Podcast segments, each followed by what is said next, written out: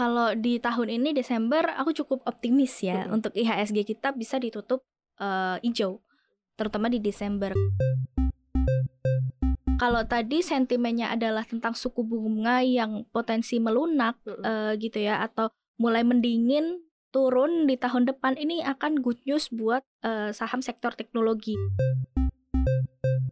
Sekarang nih untuk investor dalam negeri yang ingin memanfaatkan Santa Claus Rally gitu ya, apa yang harus dilakukan sama mereka? Paham Pantauan Saham. Makin paham makin cuan. Halo Sobat Cuan, selamat datang di podcast Cuap Cuap Cuan. Kami dari Cuap Cuap Cuan mengucapkan selamat Natal bagi yang merayakan. Semoga namanya Natal bisa memberikan semangat untuk melanjutkan hari-harinya Sobat Cuan dan semakin memberikan booster juga untuk Sobat Cuan mencari cuan pastinya ya. Merry Christmas Sobat Cuan.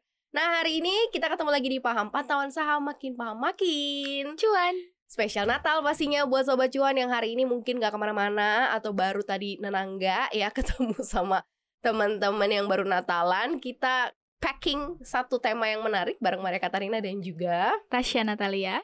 Kita akan angkat tentang tema spesial Natal hari ini yaitu Santa Claus Rally. Kita kan selalu bahasin ini ya sebenarnya setiap tahun ya Santa Iya. Claus Rally ditanyain ada nggak sih Santa Claus Rally, Santa Claus Rally. Tapi tahu nggak sih Sobat Cuan sebenarnya apa sih Santa Claus Rally? Lo ada definisi yang memudahkan orang mengerti itu sih ya? Sebenarnya Santa Claus Rally itu intinya tujuh hari sebelum Desember berakhir ya. Mm-mm, berarti Itu seminggu ya 25 seminggu. ke 31 ya. Iya, seminggu sebelum Desember berakhir itu dinamakan Santa Claus Rally ya karena Mm-mm. bertepatan dengan hari Natal.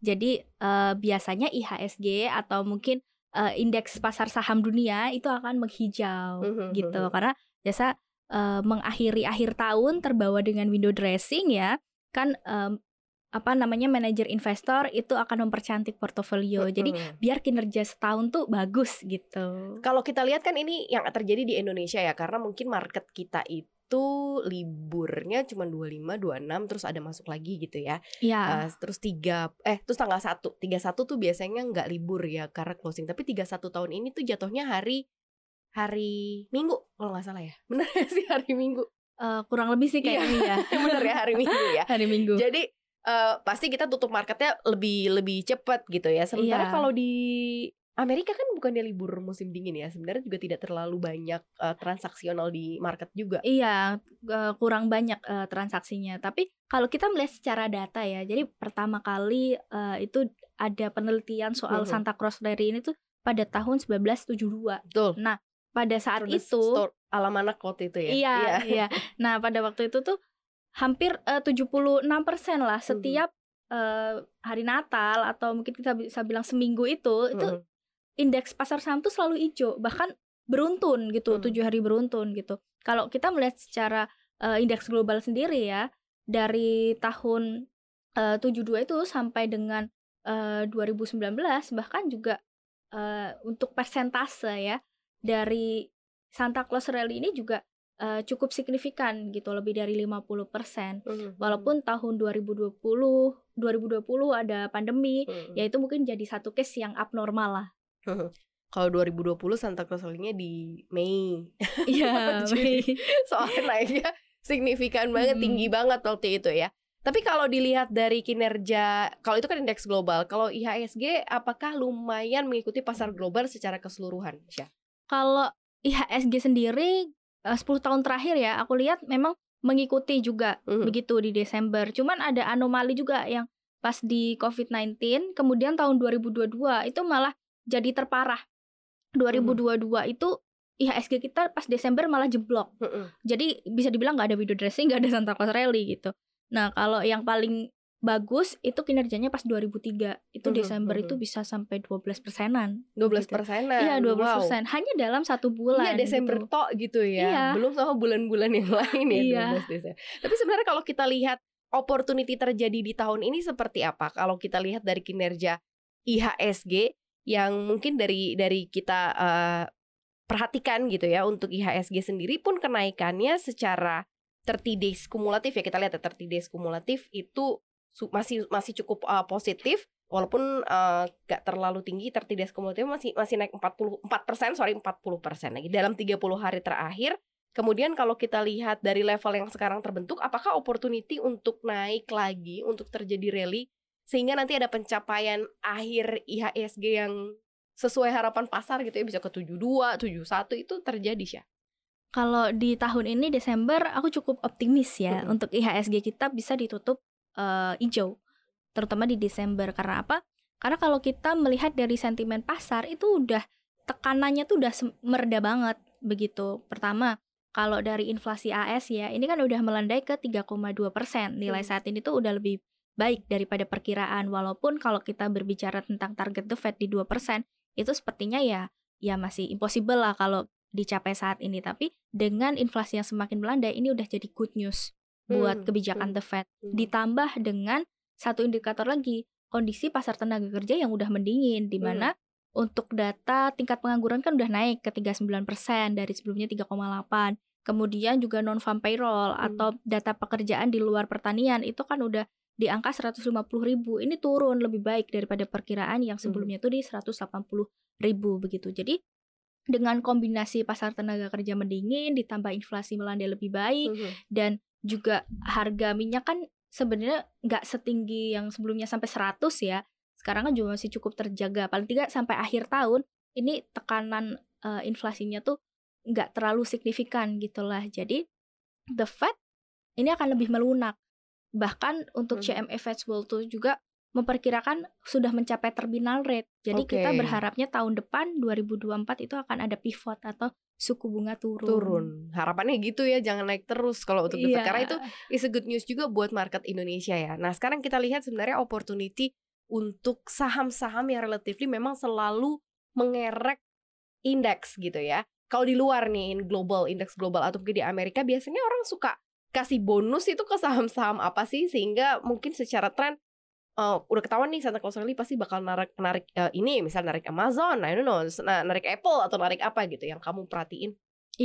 kalau di luar sama di Indonesia itu beda ya. Tadi Mhm. kalau Indonesia eh, perbankan emang jadi kontributor terbesar Mhm. gitu. Tapi kalau di luar ini udah teknologi. Mhm. Jadi saham-saham teknologi itu mereka punya peran besar dan kontribusi besar secara persentase gitu ke indeks global. Jadi Mhm. Eh, kalau tadi sentimennya adalah tentang suku bunga yang potensi melunak Mhm. eh, gitu ya atau mulai mendingin turun di tahun depan ini akan good news buat eh, saham sektor teknologi. Karena mereka kan sensitif dengan eh, suku bunga ya mereka punya modal itu kan dari utang biasanya. Nah utang ini kan ada ongkos pinjaman di situ. Jadi ketika nanti suku bunganya turun maka ongkos pinjaman diharapkan mulai eh, menurun ya atau bisa lebih ringan gitu mereka. Nah inilah yang diharapkan eh, sehingga nanti bisa mendongkrak di profitabilitasnya jadi ya dengan efek domino itu jadinya sektor eh, teknologi di global itu harapannya bisa menguat lah dan sektor te- teknologi yang punya kontribusi besar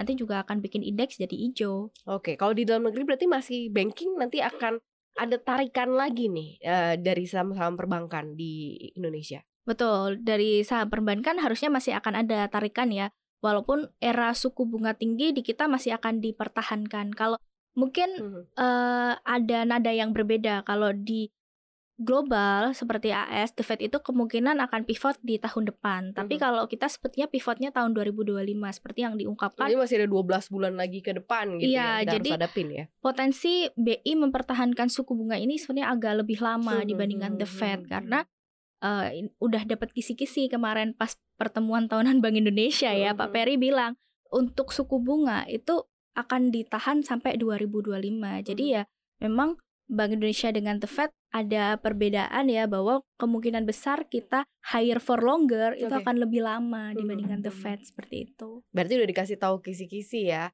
Memang eh, untuk perbankan kalau kasih kredit dengan bunga yang tinggi lumayan, tapi pengaju kreditnya dia lumayan juga mikir gitu ya. Dengan iya. high interest rate yang sekarang terjadi lumayan penyaluran kredit di beberapa sektor akhirnya agak-agak lumayan susah gitu ya Syah ya.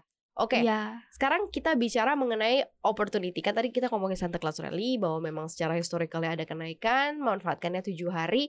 Tapi ada juga yang eh, justru mengambil momentum tidak melepasnya pada saat itu juga sih. Artinya ditahan sampai ke Januari. Makanya kadang-kadang kita suka tahu kan bahwa Santa Claus Rally and the January effect gitu ya masih akan terus eh, ber efek sampai dengan pertengahan Januari.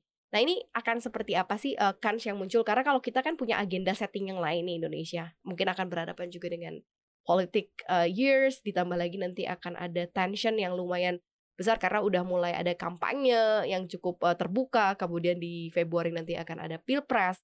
Biasanya tone-nya, nadanya, terus kayak suasananya agak lumayan beda nih. Kalau Tasya ngeliatnya gimana?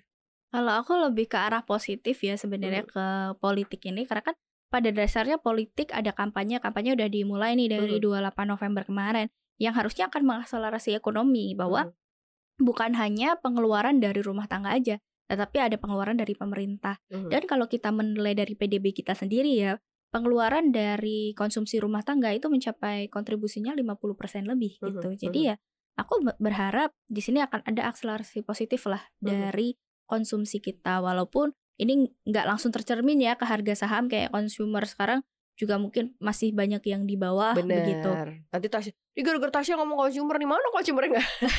Iya. Sabar Anda ya. Sabar ya. Cuman yang menarik sih gini, kalau dari sisi institusi atau mungkin asing sendiri agak cukup lumayan menahan gak sih?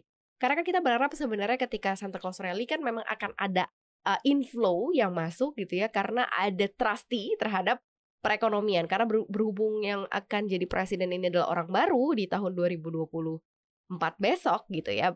Ada nggak sih kayak mungkin uh, yang dilakukan asing sekarang agak cukup menahan, hold atau mungkin memperhatikan dulu nanti akan lebih uh, ke mana arahnya gitu di Indonesia ini. Karena kan kita memang masih negara berkembang di mana kita masih needs uh, investor Modal ya. pemodal dari luar yang cukup besar gitu, Syah.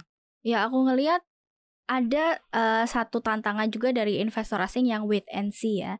Tapi sebenarnya karena eh, tekanan global ini kan udah mulai mereda, terus kalau melihat mungkin the Fed udah sampai di terminal rate, maka kan akan terjadi US dollar yang melemah. Mm-mm. Kita lihat di XY juga udah turun ke angka yang terendah sejak tiga bulanan lalu. Kemudian US Treasury juga udah mulai turun. Nah, di sini jadi satu kesempatan bahwa yield atau imbal hasil yang bisa ditawarkan dari emerging market termasuk Indonesia tuh bisa lebih tinggi. Mhm. Jadi di sini akan ada shifting Mhm. apa dari asing masuk kembali ke Indonesia. Nah, asetnya mana? Inilah yang menjadi eh, kita perlu memfilter lagi kan ada Oke. banyak ya asetnya mana aja. Dan yang menarik dan udah mulai kelihatan asing masuk ke situ tuh ke SBN. Mhm. Di mana di Mhm. lelang terakhir kali itu bahkan udah sampai kalau tidak salah 13 triliun. Itu Hmm, merupakan hmm, angka tertinggi hmm, loh hmm. sejak Juni betul, betul. gitu. Nah, jadi emang udah kelihatan tuh asingnya masuk ke SBN. Mhm. Kemudian juga BI menerbitkan instrumen baru ya seperti SRBI, Mhm. Mhm. SVBI, SUVBI. Nah, nanti kita perlu monitor lagi tuh berapa banyak nanti asing ataupun masyarakat lokal yang masuk ke dalam situ. Oke, ada wait and see, tetapi kayaknya nggak perlu dikhawatirkan ya, karena mungkin power of retail domestik juga lumayan bisa nguatin pasar gitu ya. Iya, Nah, betul. Sekarang nih untuk investor dalam negeri yang ingin memanfaatkan Santa Claus Rally gitu ya, apa yang harus dilakukan sama mereka? Mungkin kalau yang belum masuk nih, karena kan ini tayangnya pas banget Natal nih ya, jadi eh, apakah masih bisa diselipan hari-hari ke depan menjelang tutup tahun yang juga karena libur ya, kita banyak libur, jadi tanggal 27, 28, 29 paling tiga hari. Iya, cuma tiga hari aja ya. Ya mungkin kita bisa memanfaatkan berarti ke depan kan ada Januari effect Mhm. gitu ya. Dan kita bisa melihat mungkin beberapa sektor yang akan diuntungkan ketika suku bunga Bank Indonesia ditahan dalam waktu yang lebih Panjang. lama, Mhm. panjang. Kalau misal tahun lalu itu kan tantangannya suku bunga yang naik, Mhm. nah mungkin tahun depan adalah suku bunga yang dipertahankan Mhm. gitu ya. Nah, tapi ini akan menguntungkan bagi beberapa sektor yang sensitif dengan suku bunga seperti telekomunikasi, terus kemudian properti dan eh, juga sektor teknologi juga. Mhm, Mungkin kalau mhm. sektor teknologi beberapa udah ada yang naik ya kayak Goto udah naik signifikan, Mhm. DCII juga Mhm. gitu. Nah, tapi kan ada beberapa yang lain yang mungkin bisa kita filter lagi dari sektor eh, properti misalnya itu juga sebenarnya masih banyak tuh Ya. yang di bawah dan sektor properti ini juga mendapatkan ada eh, ini diskon, diskon Aha, VAT, aha. LTV-nya 100% gitu ya. Jadi eh, pengelola atau developer itu bisa memberikan DP 0% Ya, gitu. ya, Itu ya, juga ya. jadi salah satu eh, katalis positif ya. Tapi memang belum terlihat Mhm. saat ini karena kan eh, untuk perpanjangan sentimennya kan kemarin baru sampai November ya Mhm, dan mhm. diperpanjang lagi. Jadi kita eh, di tahun depan nih mungkin akan eh, melihat lagi bagaimana dan eh, di kuartal 4 Nah, ini kan juga belum kelihatan ya datanya gimana. Tapi kalau harapannya ini ada kampanye, terus juga ada Natal, tahun baru, nanti ketika rilis nih hasil kuartal 1 di mungkin Januari atau Februari, nah itu hasilnya harusnya akan lebih bagus Ya, gitu, ya, terutama ya. di sektor-sektor yang aku sebutin tadi karena ada peningkatan dari eh, permintaan pasar dan juga kalau misalnya telco ada permintaan lebih dari eh, pengguna telekomunikasi seperti itu. Kita akan lihat nanti akan seperti apa ya, karena memang eh, momennya juga masih dirasain atau mungkin ada yang ya udahlah akhir tahunan aja dulu nggak usah mikir nggak apa-apa gitu ya. Mungkin bisa diperhatikan opportunity tiga hari besok untuk bisa bertransaksi dan pilih saham yang potensial. Nanti ngerasainnya di Januari juga masih akan cukup panjang nih karena Iya. ada Januari plus juga ada pemilihan presiden yang tampaknya akan ada positif vibes di situ untuk saham-saham yang mungkin sobat cuan udah mulai lirik gitu ya. Mudah-mudahan get lucky to you ya sobat cuan ya karena kita berharap semuanya ada kesempatan ada opportunity ujung-ujungnya cuan. Thank you banget Tasya udah mengisi cuap-cuap cuan di spesial Natal hari ini. Terima kasih juga sobat cuan yang udah nyempetin waktu untuk dengerin kita. Jangan lupa dengerin konten podcast kita lainnya di Apple Podcast, Google Podcast, Spotify, dan Anchor. Follow akun Instagram kita di @cuap underscore cuan dan subscribe YouTube channel kita di cuap cuap cuan, like, share, dan juga komen. Terima kasih ya Sobat Cuan, selamat liburan, Merry Christmas. Kita berdua pamit, bye-bye.